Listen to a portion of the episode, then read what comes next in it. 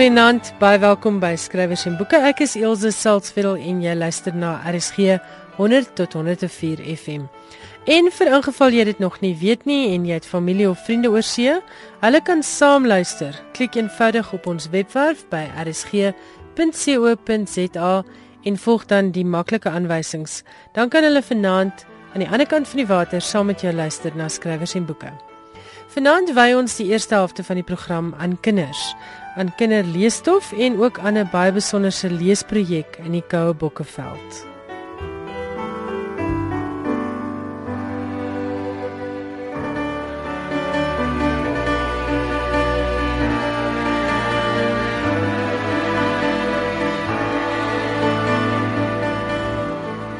Elke luisteraar wat vanaand saam luister, se pad met lees het iewers begin. En as ek reg is, het die meeste van ons se paaie met lees begin aan moedersknie. Daardie eerste stories wat vir ons voorgeles is, wat by ons 'n saadjie gesaai het om self te wil lees, wat maak dat ons vandag nog gulsige en ywerige lesers is. Ek gesels vanaand met iemand wat 'n groot rol speel om kinders aan die lees te kry. Dit is Linda Rode en sy het onlangs 'n pragtige nuwe kinderboek saamgestel. Die boek is in die land van Pamperlang Dit is geïllustreer deur Johan Strauss en is regtig een van die mooiste kinderboeke wat ek in die onlangse tyd onder oë gehad het.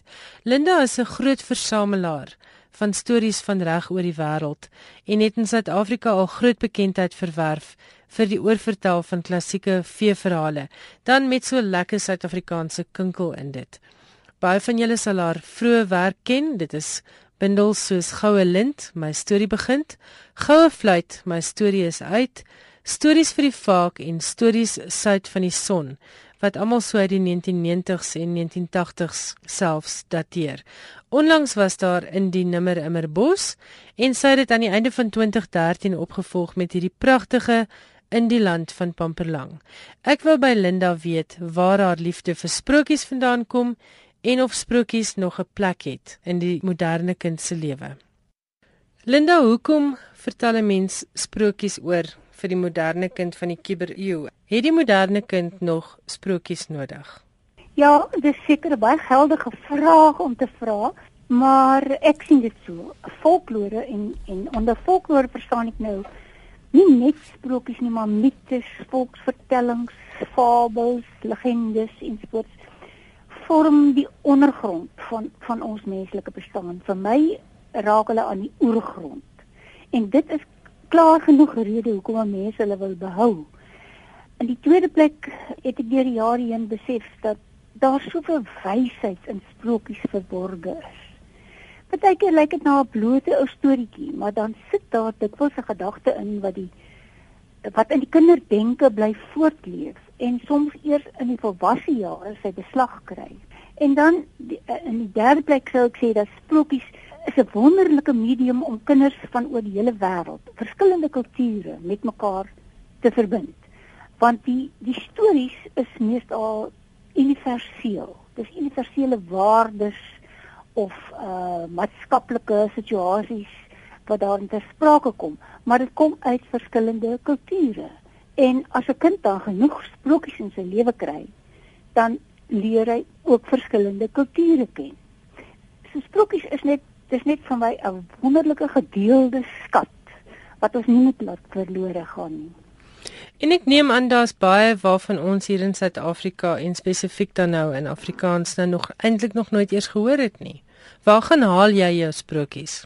Kyk, ek versamel sprokies deur die jare, baie jare nou al. Ek het regtig nou al 'n groot sprokiesversameling. En ek kry heel wat uit Duitse boeke en dan uit Nederlands, uit Engels natuurlik en ook ons Afrikaanse sprokieskat het deur die jare toegeneem, nie die skat self wat toegeneem het nie, maar dit is opgeteken deur mense soos Pieter Groblaar byvoorbeeld, jy weet, jy dink aan van Wielig En die ou kamp het hom in die jongste jare baie beywer vir die heruitgawes van sulke boeke. So ek het baie bronne en ek ek vertaal en verwerk van die sprokies. En ek luister ook altyd met 'n baie gewillige oor indien daar mense is wat ou stories vertel. Ek kom met 'n plaas agtergrond en en ek het tussen ou mense ook groot geword en ek het van daardie stories nou nog wat ek, uh, wat ek soms verwerk in in my bundels. Met ander woorde wat jy sê is soos Jakkals en Wolf. Ek ek dink nou aan Pieter W Groblaar en Jakkals en Wolf. Ja. Dis eintlik 'n soort van 'n sprokie wat op eie bodem ontstaan het, is ek reg? Ja, nou die Jakkals en Wolf stories het mos nou 'n lang geskiedenis. Hulle kom eintlik deur uit eh uh, die Vlaamse Nederlandse eh uh, selfs Franse letterkunde. In Suid-Afrika is hulle dan vertel, maar dit is heeltemal aangepas by ons omstandighede hier. O, dis hoekom hulle so Suid-Afrikaanse gevoel het. Ja, en en wat interessant is is dat ons illustrateurs het ook deur die jare begin om wolf as 'n hyena te teken en nie meer soos die Europese wolf nie, wat ons natuurlik nie het in Suid-Afrika nie. Katrina Harris dink ek was die eerste een wat die wolf as 'n hyena geteken het en Fiona Moody het nou in my vorige bundel in die nimmer immer bos die wolf ook as hyena geteken om hom nog 'n nog meer Suid-Afrikaanse konteks eh, te gee. En jy het nou nou genoem jy het stories wat jy gehoor het by ou mense. Is daar goed wat kwalifiseer as Suid-Afrikaanse sprokies onder daardie stories? Kyk, eintlik die wonderlike meester op hierdie gebied was Pieter W. Grobelaar. Professor Pieter W. Grobelaar wat nou oorlede is. Hy het van hierdie ou stories opgeteken en baie van hulle het regtig uit Suid-Afrikaanse bodem ontstaan. Ek moet eerlik sê ek het nie so baie van daardie sprokies self in in my bundels nie. Juis omdat Grobelaar so 'n wonderlike optekenaar was en ek voel hulle is al meestal geboekstaaf. Kom ons praat oor In die land van Pamperlang. Dit is 'n absolute pragtige boek. Dit is 'n boek wat ek beslis kan aanbeveel as 'n geskenk vir iemand van wie 'n mens 'n lesertjie wil maak. Die illustrasies is pragtig en dit is as ek nou so vinnig kyk, ek sien hierso is die drie ottepotte en die wolf wat natuurlik nou die drie varkies is. My liewe kokkenennie my liewe kokkenennetjie, dit is reg, né? Dis goed. Is dit soos die klein rooi hennetjie? Sy het die naam kokkenennetjie gekry want ek het net gedink, my jene, ek wil haar nou 'n Afrikaanse naam ook gee. Sy's nie net 'n hennetjie nie. En toe onthou ek die ou volksliedjie, my liewe kokkenennetjie. En kokkenennetjie ry mos nou met hennetjie. Dit moet moes net haar naam word. En dis 'n lieflike ou klein kuikentjie met die naam van Diddle Donsie. Dit is vir my so 'n mooi woord en ek kan nou ook net sien hoe 'n klein mondjie gaan sukkel om daai woord te vorm en gaan aanhou en aanhou en aanhou totdat hulle dit reg kry. Vertel 'n bietjie van die inspirasie agter in die land van Pamperlang. Ja, miskien moet ek net van gesê, ja, Aldre later gaan van die man en Rousseau uitgewers het my gevra om uh, 'n uh, bundel saam te stel. En toe het ek gesê wel nou nie weer net sprokies nie of sommer vir enige ouderdom nie, maar kom ons maak hulle nou spesifiek vir die drie eintlik so van 4 jaar af op. So hierdie sprokies is nou oor vertel ensovoorts met die doel dat kinders van so 4 jaar oud na hulle gaan luister en dan dat die ouer boeties en sissies wat kan begin lees, dit self kan lees. Die font soos jy kan sien is lekker groot. Daar's baie wit spasie langs die kante en die keuse van sprokies is ook so dat dit aanklank sal vind by die jong of of die eerste leser. Maar jy het jy het bekende verhale op 'n unieke manier aangepak. Ek my oog val nou sommer weer hierso op 'n stukkie van die drie ottepotte, die drie varkies. Ek lees nou sommer net vir die luisteraars. Toe grom en brom die wolf. Nou dan snoef ek en snuif ek en blaas jou baksteenhuis om. En hy snoef en hy snuif en hy snoef en hy snuif, maar ek kry dit nie reg om derde varkie se baksteenhuisie om te blaas nie. Jy het lieflike woorde hier in en jy klanke um op 'n stadium glip hy nou in die skoorsteen af en dan dan klink dit so slurre slor. Dit is baie kreatief en ek dink dit is 'n definitief 'n nuwe variasie op 'n ou bekende storie. Hoe het jy gekies wat kom in hierdie boek? As ek sprokies vir 'n bundel bymekaar sit, is een van my vereistes altyd daar moet prettige stories wees. Eh, stories waaroor die kinders sommer net kan lag. En daar moet stories wees wat 'n punt het, wat 'n kern van wysheid het, wat gaan voortleef en wat soms eers wanneer die kind 'n volwassene is, miskien sy beslag kry. Een so voorbeeld as ek dit vinnig kan gee is die plompserige plompserige water ding. Nou hier is van kinders se tong weer so 'n bietjie klop, maar ek het dit gevind dat kinders, klein kinders, baie daarvan hou om groterige woorde te sê. Jy weet woorde soos tikkedensie en so voort. Hulle hou van van die klankspel daarvan.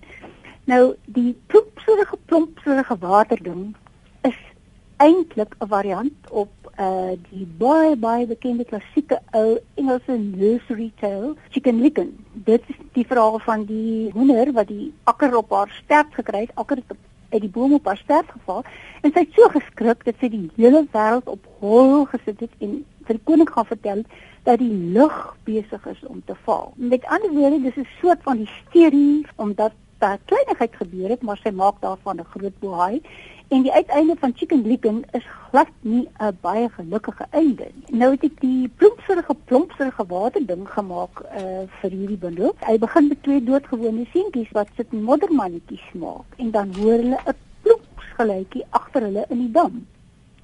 En dan skrik hulle net soos Chicken Licken en hulle sit op hol en hulle neem dan 'n klomp van hulle maats, jy weet, die die gaan saam. Almal is bevrees tot ou meneer Swartkat hulle kyk en sy oor sy smors ryk en vir hulle sê nou wat is dit dan nou met julle?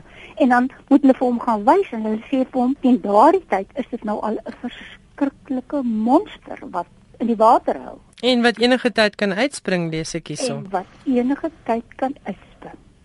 En dan natuurlik dan kom die katarsis en ou meneer Swartkat wys vir hulle dit is niks anders as 'n appeltjie van die boom wat daar by die dam staan wat in die water ploets. Nou ja, die soort van ding, jy weet 'n storie wat 'n put van waarheid het. Dit kies ek baie graag. Dan van ons volkse storieetjies wat eie is aan ons soos jy nou reeds gesê het, maar daar's ook byvoorbeeld Jakkals gaan trou.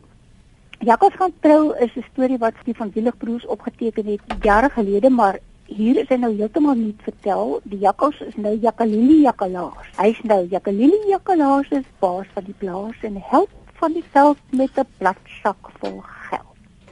Ek sien nou werk ek so graag van hierdie ou volksliedjies of volksspelletjies of so in.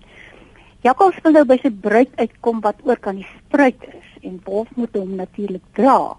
En dan gebruik jakkals die ou volksspele liedjie van daaroor kan die spruit staan 'n mooi rooi bloem. Hoe sal ek maak om by haar te kom? Maar nou sê hy, hoe sal ek maak om by Plumpie te kom? En dis nou sy dis nou sy hartedief se nou naam. Nou en dan van ander oorde en van ander lande, eh, een of twee van die baie bekende soos Jan en die boontjie raak moes ek insluit en en goue lokkies moet ek maar insluit want hoe kan jy nou jy weet 'n sprokieboek hê vir plus minus 4-jariges en ouer waarin goue lokkies byvoorbeeld nou nie voorkom. En as poestertjie, ek sien hulle sy's ook hierso. Poestertjie is ook daarin. Maar dan is daar byvoorbeeld die Dudromandro. Die Dudromandro is 'n verhaal van ons Maleier mense. Dit is jare gelede deur Idi Du Plessis, Dr. Idi Du Plessis opgeteken. En hierdie kom nou net so klein bietjie verwerk en effens anders vertel vir die kleintjies want ek voel dat daar van ons verskillende kulture se verhale behoort, jy weet, 'n mens moet daarom verteenwoordigend werk. En dan is daar ook verse wat selfs uit Engels byvoorbeeld. Hier is die verhaal van in die verre land van help mekaar. Dit is 'n verwerking van Edward Lear se The Owl and the Pussycat. En iemand het so spesiaal gevra dat ek hierdie verhaaltjie weer verwerk en oorvertel. Dit is ook in in die nimmer immer bos, maar ek het hom hier anders vertel weer vir die kleintjies. Want dit is so dit is so 'n charmante verhaaltjie en dit bring die kind dan weer in aanraking met iets uit 'n ander kultuur. Ek sê byvoorbeeld dan agter in die boek waar dit vandaan hoe ek daarop gekom het. En dan is daar ook 'n heeltemal nuwe verhaal is wat ook op die die styl van die ou sprokies geskoei is. Dis die lappies kombers van drome. Dit is iets wat dink ek nogal toepaslik is vir ons land, maar dit is 'n sprokie vorm vertel. Dit begin net so dat daar eenmal 'n koning was, 'n koning met 'n goue kroon En die koning met 'n paleis, maar dit was maar 'n ou klein, eenvoudige kroontjie in 'n klein paleisie. Hierdie koning was nie besonder slim nie, maar hy was 'n besonderse koning want hy het sprokieboeke gelees. Ek dink hy was 'n goeie koning want hy het toe 'n sprokieboek gelees waarin hy van straatkinders lees, né? Nee? En toe besef hy hy slaap elke nag onder sy bloedrooi koningskombers en daar is van sy kinders, van die kinders van sy land wat nie huis het nie, wat snags op straat slaap. En dan sit hierdie koning nou iets op tou. Hy laat 'n lappieskombers maak, groot genoeg om 'n berg toe te maak. En daaronder kom al die straatkinders dan bymekaar. Om daai lappieskombers te maak, het hy oor die hele land gevra dat mense almal elkeen moet 'n lappie bring. Jy het sy eie komberse ook opgesny sien ek nou. En hy sê kombers ook opgesny, dit is seker die belangrikste, né? Ja. Met ander woorde wat jy sê is hier vertel jy 'n storie wat 'n mens as 'n lewensles kan gebruik. Ja, ek wil nooit eens die woord les iewers gebruik nie, maar ek dink tog daar is 'n gedagte wat kan saamgaan. Saamgaan met die kind Miskien lees hy dit nou net as 'n storieetjie, maar hopelik gaan iets daarvan saam met hom in sy lewe. Jou verhale is baie mooi gekies en die illustrasies deur Johan Strauss komplimenteer dit verskriklik mooi. Hoe het jy en Johan bymekaar uitgekom en hoe ja. werk die proses? Dit is maar alles deur iemand anders sou gereël. Ek is baie in my skik. Johan se rol in hierdie boek is so groot uh soos dit maar altyd gaan met met 'n boek wat uh, ge, geïllustreer word. Vir alle bundel, jy moet onthou dat 'n bundel verg meer van die illustreerder as wanneer hy een enkele storieetjie illustreer. Vir 'n bundel moet hy hy moet verskillende interpretasies maak want van hierdie verhale kom uit verskillende kulture. Hy moet stilisties variasies hê want omdat die verhale so verskillend is, kan jy nie altyd presies dieselfde styl handhaaf soos wanneer jy byvoorbeeld een storie regdeur illustreer nie. Nou Johan se illustrasies is vir my ten eerste is hulle besonder kindervriendelik. Hy het 'n wonderlike ruimtelike persepsie. As mens na sy illustrasies kyk, dan sien jy wanneer hy toneel illustreer. Hy vat die oog weg tot bo agter. Dit is Dit is regtig driedimensioneel. Ja, ek moet met jou saamstem en die die, die prentjie trek jou onmiddellik in. Ja. Dan het hy nog 'n sin vir humor wat wonderlik aanpas by die stories. Eh uh, die kinders sal seker dadelik soek na wat die diere byna almal so klein kuiltjie, so klein hoekie op. Ek kan al vingertjie sien wat so gaan wys. Daar is die kuiltjie op sy kop. So so bundel vereis veelsidigheid van 'n uh, illustreerder. En regtig, ek dink hy het dit uitermate mooi gedoen. En sê vir my, uh, gee jy vir hom die verhale en hy gee sy eie interpretasie of is dit 'n brainstorm proses waar jy sê dis wat jy graag sou wou sien of meng jy glad nie in nie? Nee, in hierdie geval was was kommunikasie nogal beperk. Ehm um, kan ek net vir 'n oomblik teruggaan na in die nimmer in my bos wat Fiona Moody gedoen het.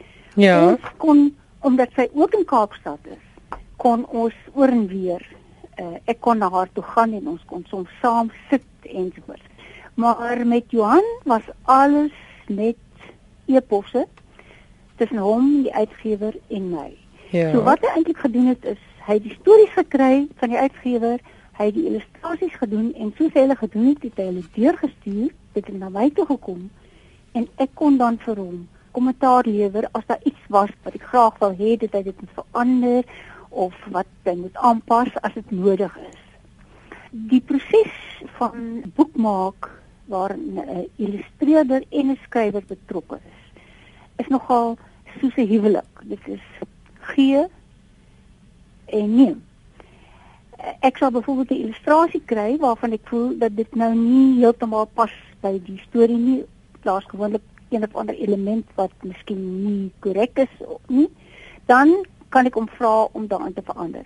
Maar wat die lesers miskien nie weet nie of die luisteraars nie weet nie is dat ek ook soms uit die illustrasie iets neem en daar volgens my teks verander. Dit gebeur ook dikwels.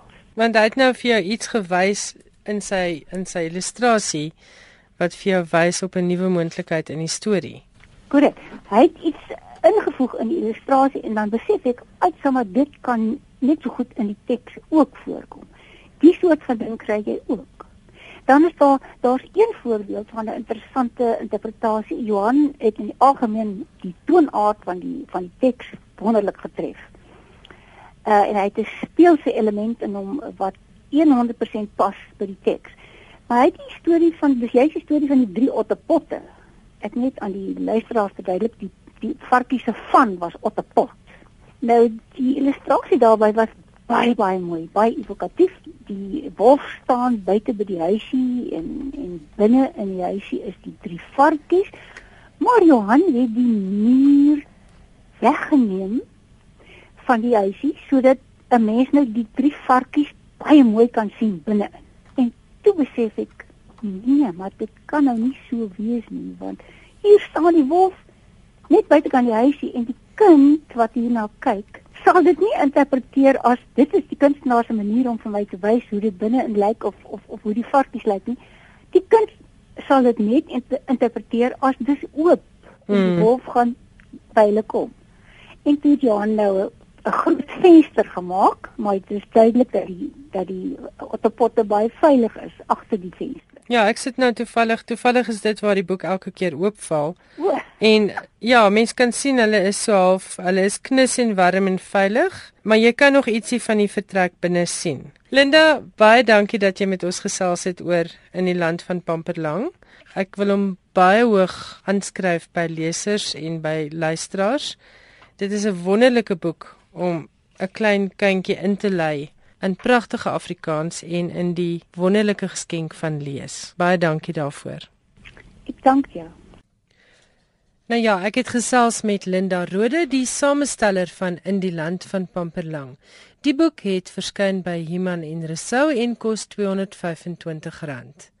Ons het nou gepraat oor hoe om jou kind aan die lees te kry met 'n boek soos In die land van Pamperlang. Maar wat beteken dit vir 'n kind op 'n praktiese vlak om te kan lees? Hoor 'n bietjie wat het hier in die Koue Bokkeveld by hierdie besonderse leesprojek gebeur. Ek gesels vanaand met Eugenie Douglas. Nou sy woon in die Koue Bokkeveld. Dit is daar in die Wes-Kaapse kontry.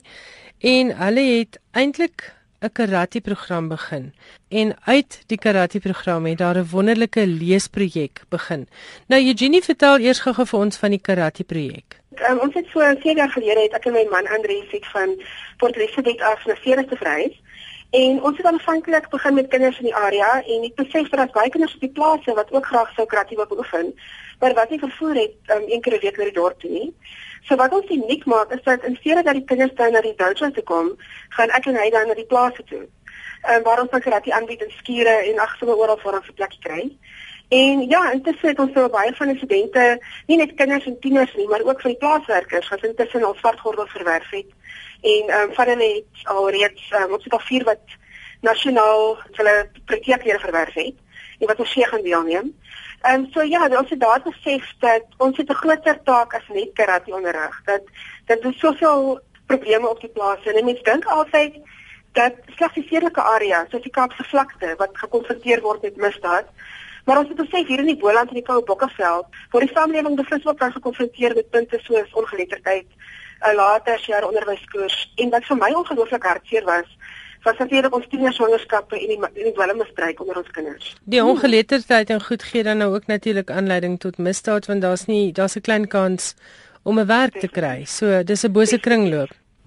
Ja, en die kinders wat wat ons bereik met die terapie, ons doen nie net ehm um, vir normale akademiese skoolkinders nie. Ons het ook ons werk ook met kinders wat al reeds um, voorskoolverlaters is. Jy weet kinders wat op ouderdom 14, 15 nie meer skool gaan nie en wat gaan rakke pak of wat nie meer enige belangstelling het om hulle studies te voltooi nie.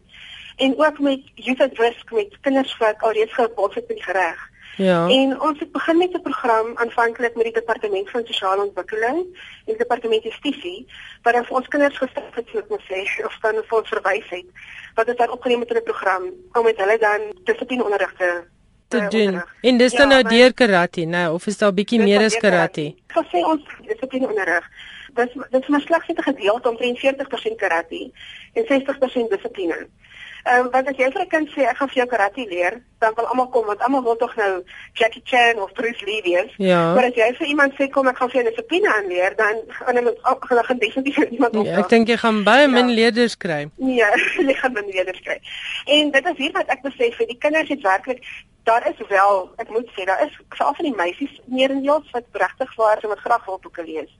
Maar ek het agtergekom dat die meeste van hulle, veral die kinders wat daar reeds met die reg gebots het en wat voorskoolverlaters is, het regtig geen liefde vir lees nie en hulle het daar was geen belangstelling gewees nie. Hoekom besluit julle toe dat lees moet deel vorm van julle projek? My passie wat ek het is lees en ek dink dit is waar ek besef het dit is die manier wat ek met kinders kan interaksie het en op hulle vlak kan kom wat hulle my gaan begin vertrou. Waar die tensies die swartgolwe instrukteurs waar hulle 'n ander tipe interaksie met die kinders op 'n op 'n fisiese vlak. Het ek dalk meer op die emosionele vlak interaksie met hulle? Weet met die meisies wat verval in tienerswangerskappe en ons doen baie wel in bewusmaking by skole en so aan. En ek het agtergekom dat die kinders het hulle hulle wil uitreik na jou toe en hulle soek 'n rolmodel. En ek het begin wonder hoe ek dit kan doen en ons het 'n verlaap uitgewers kontak en vir hulle gevra om vir my boeke te skenk wat ek dan uitgedeel het by skole en by crèches en biblioteke op die plaas skooltjies en so aan. En ons het besef dat daar wel 'n groep is van kreatiewe studente wat lees baie geniet, maar wat nie regtig vir toegang gehad het of wat beperkte toegang gehad het tot toepaslike boeke in hul eie ouderdomsgroep. Alhoewel die groter dorpe hier rond se Ceres, Tildag, Horsfree en so aan het groot biblioteke, maar dit was moeilik geweest vir die tieners op die plaas hier, weet veral in die, die Bokkeveld areas. Dit was moeilik vir hulle om vervoer te kry byvoorbeeld op 'n Saterdag na 'n uh, groter biblioteek waar daar meer ehm um, hulpbronne is wat nie so verouderd is nie. En dit is net ek ook besef dat daar was 'n klomp van die voorheen benadeelde kinders, studente van ons wat absoluut geen belangstelling gehad het in lees nie. Hulle word groot in huise waar daar geen boeke is nie of waar hulle ouers of rolmodelle nie werklik 'n liefde het vir boeke nie omdat self ongeletterd is.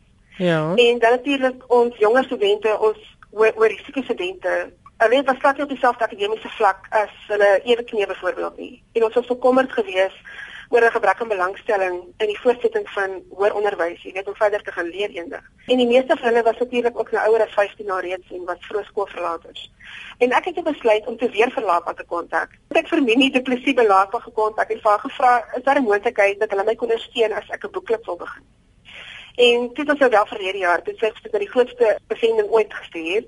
Sy het vir my nie net tienerboeke nie, maar ook kinderboeke gestuur. En ook nie net vir vir kinders nie, maar ook vir volwassenes. En ek het daar begin met die hele Reading for Life program wat ek van stapel gestuur het, werklik nou eers eintlik laas jaar met met die boeklet en ons het die boeke begin sirkuleer onder die kinders en dan een keer 'n week wanneer ons karakterklasse aanbied op die plase, dan deel ons van die boeke uit. En hulle leen dit nou ja. by jou soos by 'n biblioteek en hulle bring dit nou weer vir jou ja, terug. Ja, sit vir my 'n biblioteek sal ek maar sien. Nou ry hulle dit uit onder mekaar gedurende die week en dan as ons dan weer die volgende week weer op die plaas is, dan neem ons die boeke in en gee dan weer vir 'n nuwe boek. Wat was die impak hiervan op hulle dissipline? Het dit sigbaar verbeter? Kon jy onmiddellik 'n verandering in die kinders sien?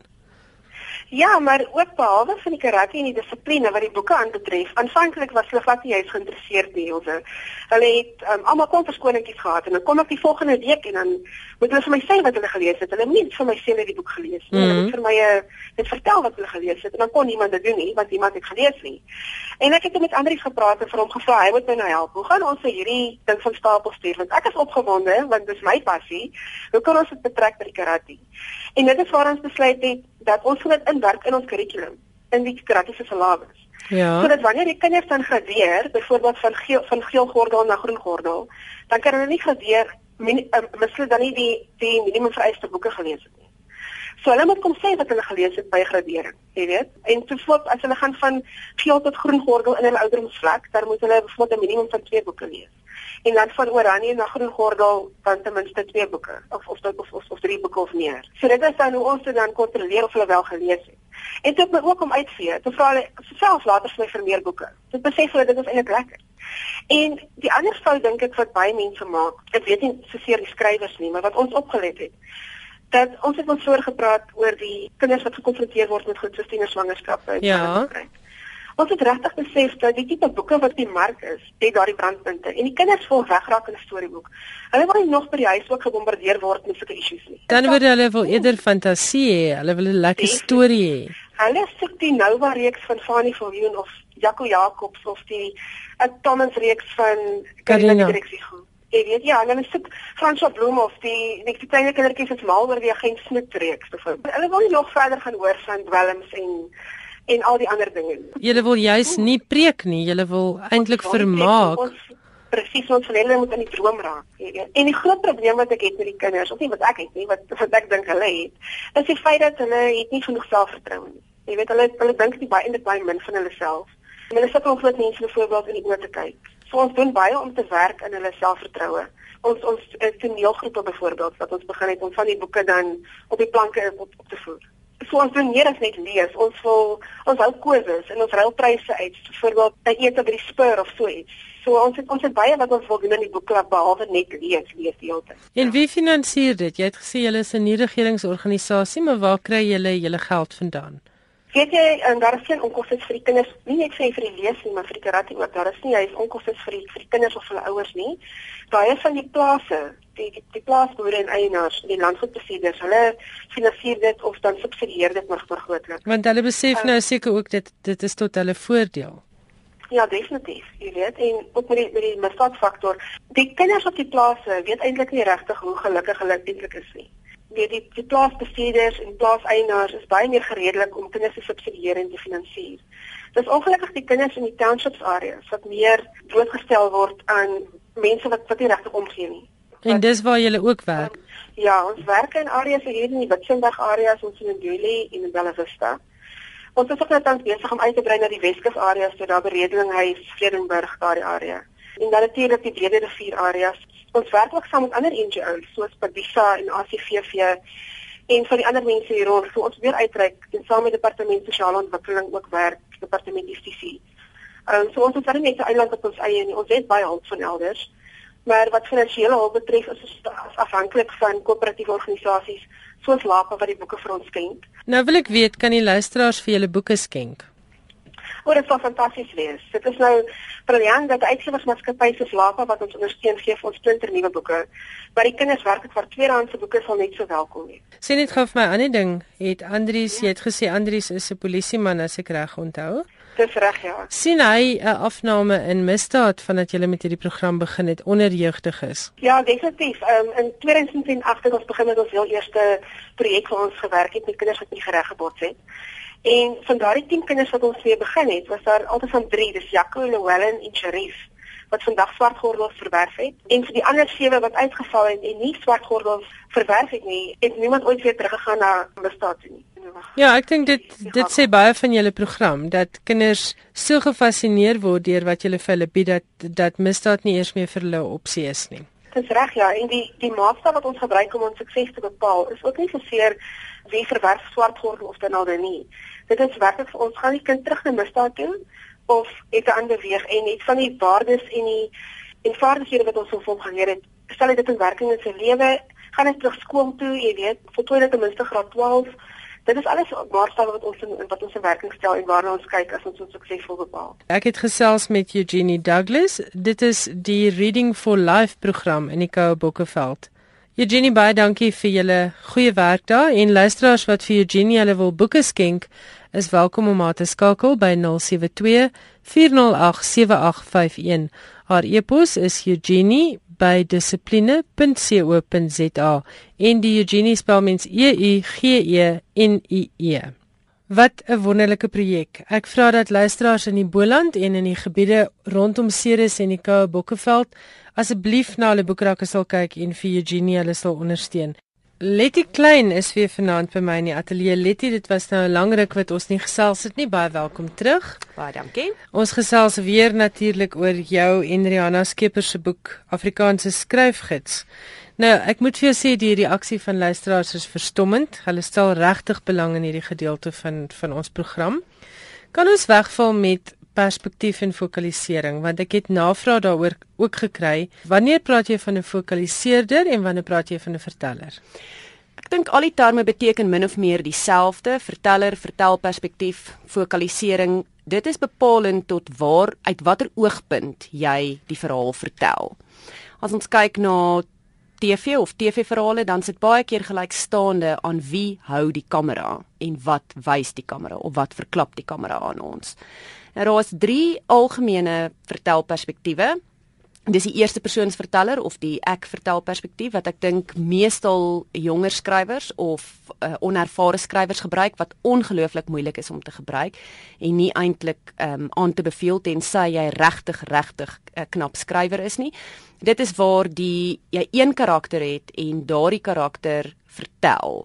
Met ander woorde daar is voordele, jy kan die hele interne ruimte van so 'n karakter ontwikkel of ontgin want jy weet wat die karakter voel en dink, maar daardie karakter kan vir jou geen insig gee in ander karakters wat in die verhaal is nie. Hy kan nie of sy kan nie weet hoe ander karakters dink of voel of reageer op goed nie. Hy kan of sy kan net beskryf dit wat hy of sy sien en voel en voel.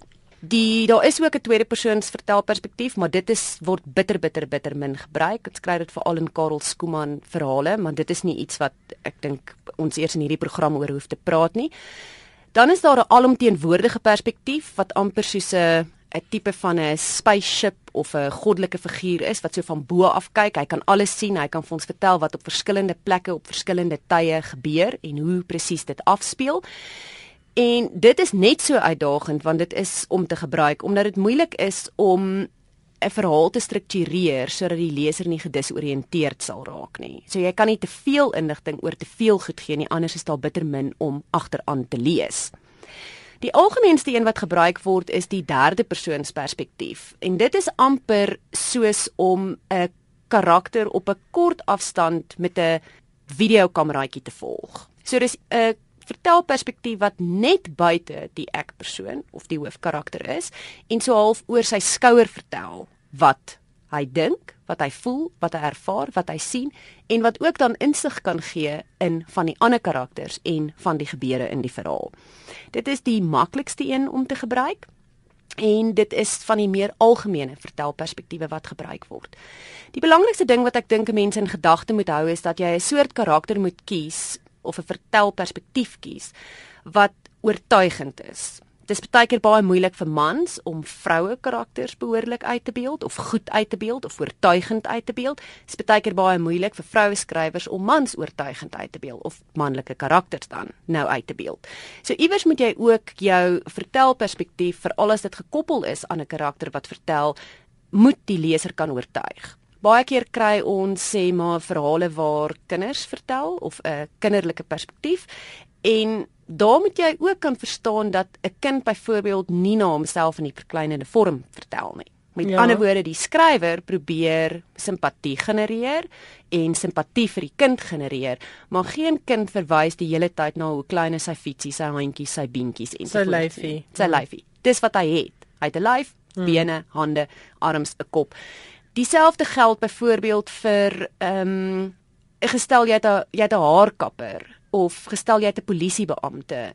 Daar is 'n verskeidenheid van goed wat jy van daai wêreld moet weet om oortuigend te kan vertel uit die perspektief van 'n bepaalde karakter. En is goed om 'n groot hoeveelheid navorsing ook te doen dat jy weet hoe presies hierdie goed verloop en by mekaar aansluit. Dink jy 'n mens kan vir mense vertel hoe om 'n perspektief te kies? Of is dit heeltemal 'n persoonlike besluit? Ek dink dit is 'n persoonlike besluit, maar ek dink daar is ook goed wat bepalend is. Wat 'n soort verhaal het jy? Het jy 'n verhaal wat gebeure gedrewe is en 'n sekere perspektiewe byvoorbeeld belangriker om die gebeure te laat vorentoe stuur of te laat loop, die storie te laat ontwikkel? het jy 'n karaktergedrewe verhaal waar dit belangrik is om die hele tyd inligting te gee oor hierdie karakter en die manier waarop hierdie karakter ontwikkel. So ek dink die soort verhaal wat jy kies is 'n aanduiding van watse vertelperspektief jy kan kies. Natuurlik wat 'n wonderlike eksperiment is om te doen is om die verhaal wat jy geskryf het te vat en te kyk hoe dit verskil wanneer jy verskillende vertelperspektiewe gebruik want oombliklik val daar inligting weg in sekere gevalle wat jy nie kan gebruik nie. In ander gevalle kom maar goed by. En dit is 'n baie interessante eksperiment om net so 'n stukkie te vat en te kyk hoe sal hierdie stukkie werk as ek dit uit 'n ander vertelperspektief skryf. Maar okay, om saam te vat, jy sê die derde persoons perspektief is die maklikste en die algemeenste. Ja. Ons praat nie eers oor tweede persoons perspektief nie. Ons praat nie daaroor nie. Dit is te moeilik. Ja. Alomteenwoordig het ook sy uitdagings. Ek dink dit is ook iets wat 'n mens redelik ek dink gemaklik sou kon gebruik. Die ek perspektief is 'n geweldige groot probleem omdat ek dink die skrywer, vir alles wat 'n onervare skrywer is, homself die karakter maak. Mm, mm. En dan uit sy perspektief opskryf. En dan kry jy al die goed wat jy in verhale nie doen nie. Jy mag nie preek nie, jy mag nie waardele oor oor um, uitspreek nie. Jy's nie 'n morele kompas vir die samelewing om te sê hoe goed gedoen moet word nie. So iewers moet die skrywer en die karakters ook 'n soort skeiding weg van mekaar af hê. Jy is nie die verteller nie. Jy is bloot die skrywer van die verhaal. Ja, ek weet Janet Paul waarsku ook altyd daarteen veral vir beginnerskrywers van liefdesverhale. Letty, kom ons praat oor tyd en gebeure. Hoe werk tydsaspekte in 'n verhaal? Ek dink kom ons voordat ons oor tyd praat, kom ons praat eers oor gebeure, dan sluit ons tyd daarbey aan. Jou verhaal moet iets vertel daar moet iets in 'n verhaal gebeur. Baie van die verhale wat ek sien, veral vir skryfkompetisies en so waarin waaraan ek beoordeel, gebeur daar baie keer niks.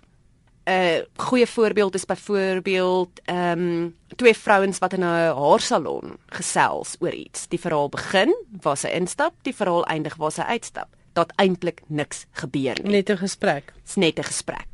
Met ander woorde, jy moet kyk, daar's 'n baie spesifieke, ek wil dit nou nie 'n formule noem nie, maar 'n soort diagram wat sê daar's 'n aanloop in 'n verhaal, dan gebeur daar iets wat die aksie ontketen, dan is daar spanning wat dit opvat na 'n volgende vlak toe wat dit dan tot by 'n kruks druk. Daar moet iets gebeur. Dinge moet nou opgelos word en dan is daar 'n kort afloop.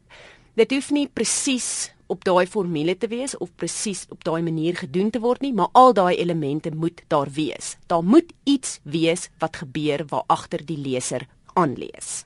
Nou, kom ek vra vir jou dan sommer 'n vraag. Besluit jy vooraf dis wat in jou storie gaan gebeur? Want onthou nou, hier luister nou 'n klomp amateurskrywers. Hulle luister week na week hoe skrywers vertel O, oh, weet jy, die storie het sommer net self gebeur. Die karakters het kom aanmeld. Nou vir 'n amateurskrywer is dit ondenkbaar dat hier nou 'n skrywer 'n karakter gaan kom aanmeld en dat die storie self gaan ontvou. Hoeveel beplanning sit jy in jou gebeure? Dink die skryfproses is vir elke persoon 'n uh, is 'n soort persoonlike ding. Wat ons net nie moet vergeet nie, is dat skryf is 'n bedryf soos om enige ander beroep te beoefen. 'n Veearts te wees, 'n mediese dokter te wees, 'n mechanic te wees. Jy as leser of koper verwag 'n sekere diens van jou skrywers. Mm. Jy verwag dat hierdie goed kommersiële produkte moet word. Mense gaan geld daarvoor betaal. En ons almal weet dat jy vat nie 'n hond na 'n veearts toe wat nie die regte tools het om te gebruik nie en wat nie eintlik vir jou raad kan gee nie en wat vir jou sê, "Ag, ek doen eintlik maar net hierdie diens wanneer daar 'n siek hond by my aanmeld."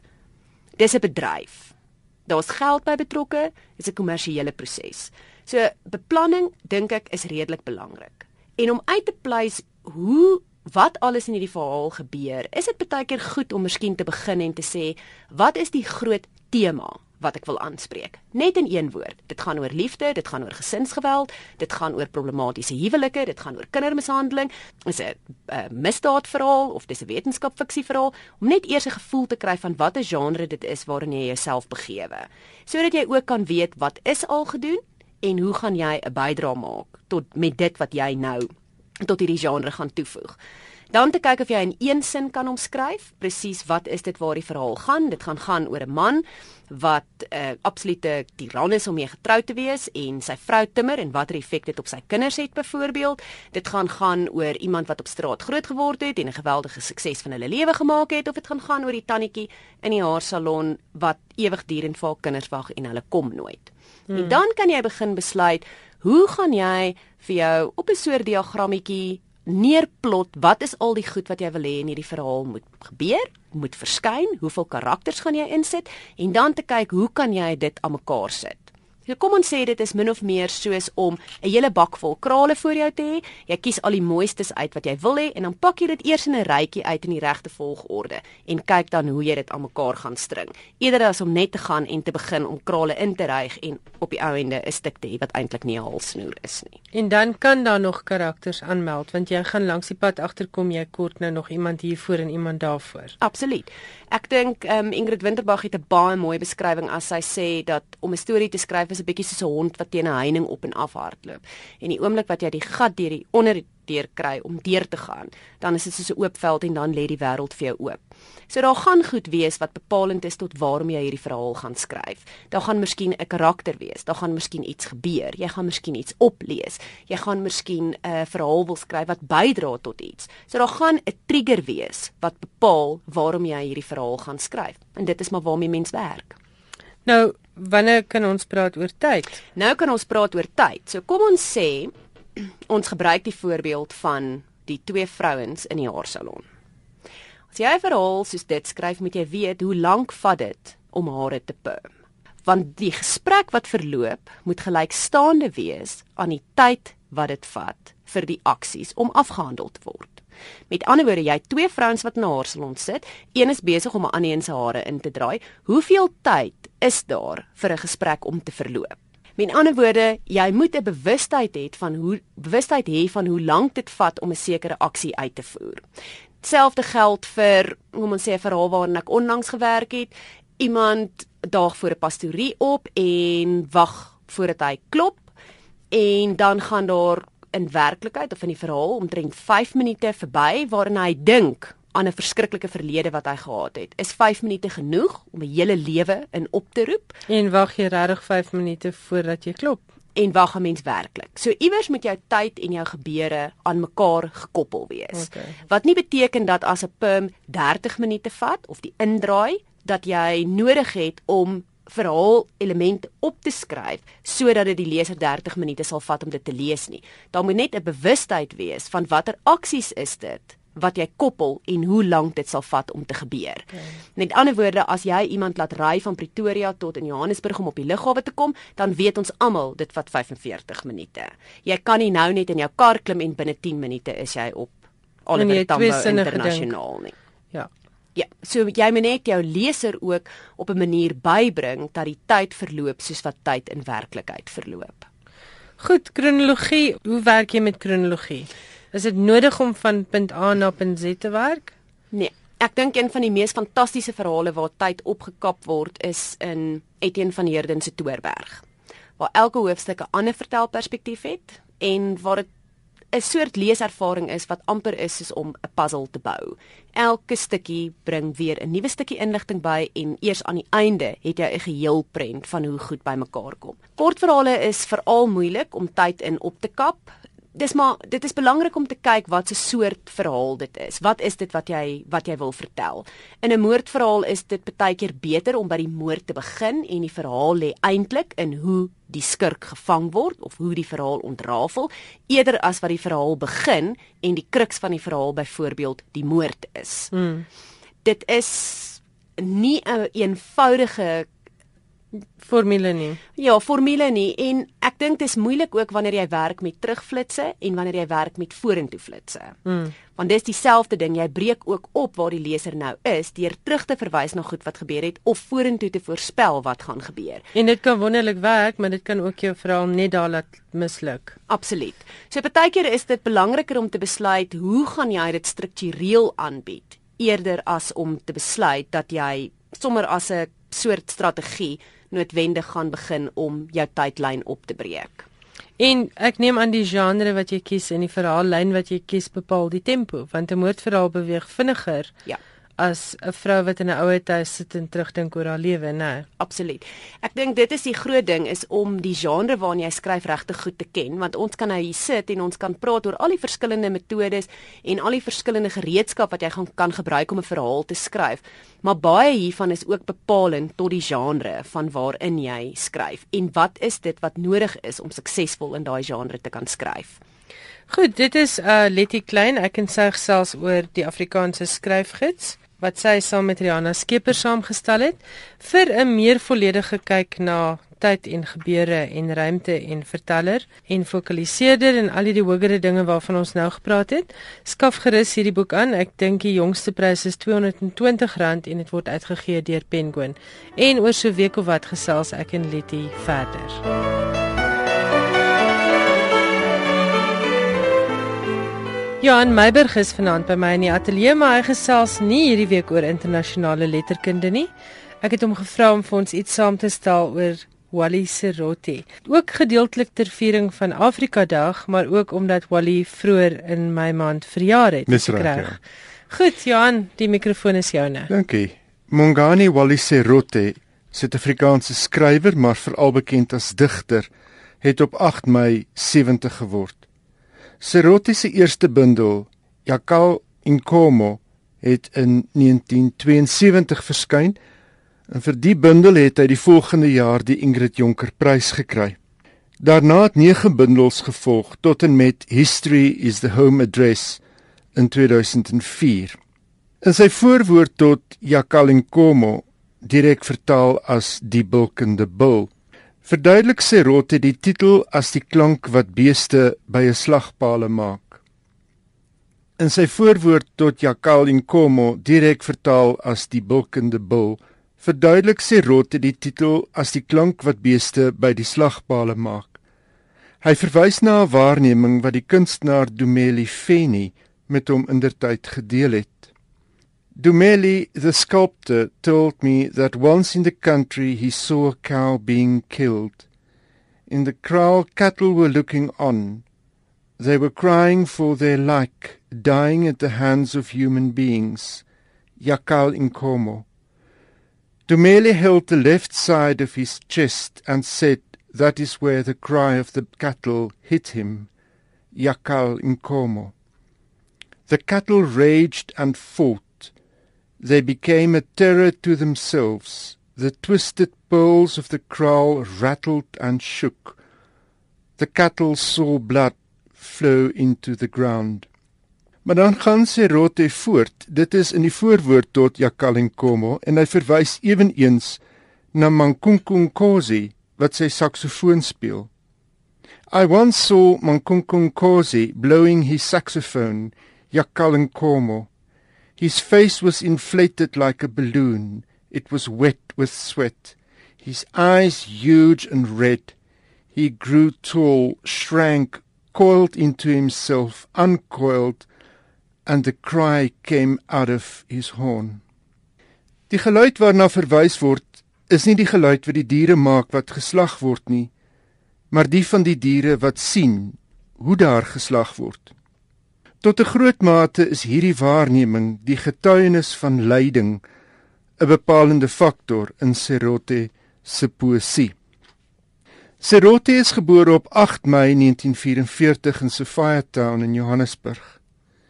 Teen die einde van sy skoolloopbaan in Alexandra en Soweto het hy by die ANC aangesluit en mettertyd betrokke geraak by die Black Consciousness beweging. In 1969 is hy aangekeer en vir 9 maande in afsondering aangehou onder die indertydse wet op terrorisme. Die 1970s was 'n bloeityd vir swart stemme wat lank onderdruk is en in die dekade het 4 bundels uit sy rotiese pen verskyn. Sy medeskrywers in die tyd was mense soos Sipho Sepamla, Oswald Mchali, Chris van Wyk, Mafika Gwala en Don Matera. Serotti se poesie het gespreek van swart identiteit, weerstand en opstand. In 1979 het hy 'n meestersgraad aan die Columbia Universiteit in die VSA verwerf nadat 'n Fulbright studiebeurs aan hom toegekend is. Sy digkuns het 'n sterk skeut van die Harlem Renaissance en die Negritude bewegings ingekry. Dis in die FSA waar hy in aanraking gekom het met die werk van Amiri Baraka, die digter wat in Januarie op 80 dood is, Don L. Lee en Ismail Reed. Serote is nie toegelaat om terug te keer na Suid-Afrika nie en hy het hom in Botswana gaan vestig. Saam met die kunstenaar Tami Mnyele was hy 'n stiekrag agter die totstandkoming van die Medu kunsansabel in Gaborone. Nyele wat die voorblad ontwerp het vir Jakalinkomo is in 1985 deur die SAW voor sy huis in Gaborone doodgeskiet. Serote se eerste roman, To Every Birth Its Blood, in 1981 uitgegee deur Raven, was 'n uitdrukking van 'n groeiende en mobiliserende weerstand. Vir sy sewende digbundel Third World Express in 1992 uitgegee deur David Philip, het hy die volgende jaar die Noma Prys vir boeke wat in Afrika uitgegee is verower. Dieselfde prys wat Marlene van die Kerk 2 jaar later gekry het vir Triomf. In 2004 het Serotti die Pablo Neruda Prys van die Chileense regering ontvang. Hy is in 1990 aangewys as hoof van die ANC se departement kuns en kultuur. En later was hy ook voorsitter van die parlementêre portefeulje komitee vir kuns, kultuur, taal, wetenskap en tegnologie. In 2007 is die orde Ikamanga in silwer aan hom toegekend En in die kommentatio is verwys na die leeue aandeel wat hy gehad het om woorde te gee aan die onreg wat swart mense onder apartheid moes verduur. Serote se poesie, so lui die woorde, gee nie net uitdrukking aan die effek van onderdrukking nie, maar gee ook as tydlose werk 'n weergawe van 'n belangrike periode in Suid-Afrika se geskiedenis. Uit sy No Baby Must Weep van 1975 lees ek 'n fragment. I'm the man you will never defeat. I will be the one to plague you. Your children are cursed if you walk this earth where I too walk. And you tear my clothes and reach for my flesh, and you tear my flesh to reach my blood and you spill my blood to reach my bones, and you smash my bones and hope for my soul. I'm the man you will defeat. I will be your shadow, to be with you always. And one day when the sun rises, the shadows will move, heaving like a tired chest. There will be millions of shadows, and the earth shall be cold and the river will freeze, and the plants will refuse to grow, and the earth shall be dark, and we will be alone. Verlede jaar is erotiese spirituele produksie The Way We Heal in die Windy Brow Theater in Johannesburg aangebied.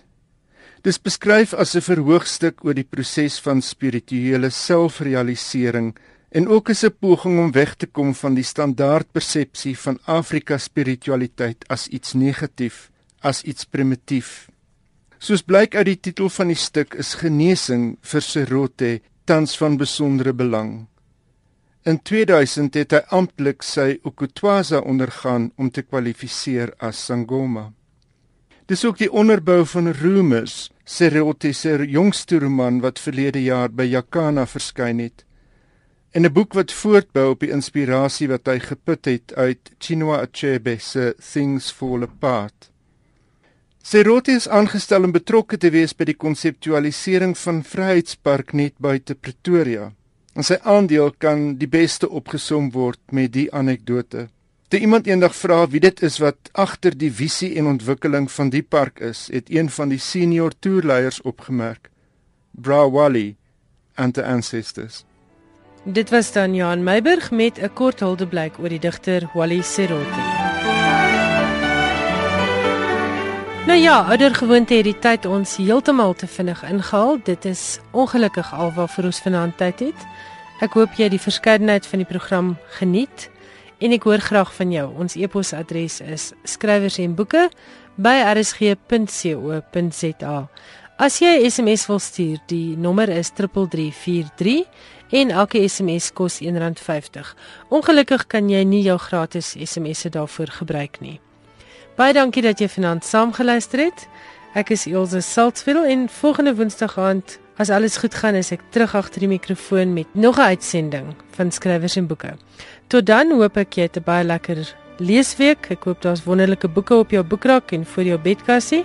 En onthou, gaan asseblief deur jou boekrak en die boeke wat net daar staan wat niemand meer lees nie, skenk dit asseblief vir 'n leesprojek naby jou of skenk dit vir 'n ouer huis of vir jou dorp se biblioteek of selfs vir jou kind se skoolbiblioteek. Daar's baie baie mense wat baie graag die vreugde van boeke wil deel. Tot ons weer gesels, groet ek Elsje Salzveld. Lekker slaap.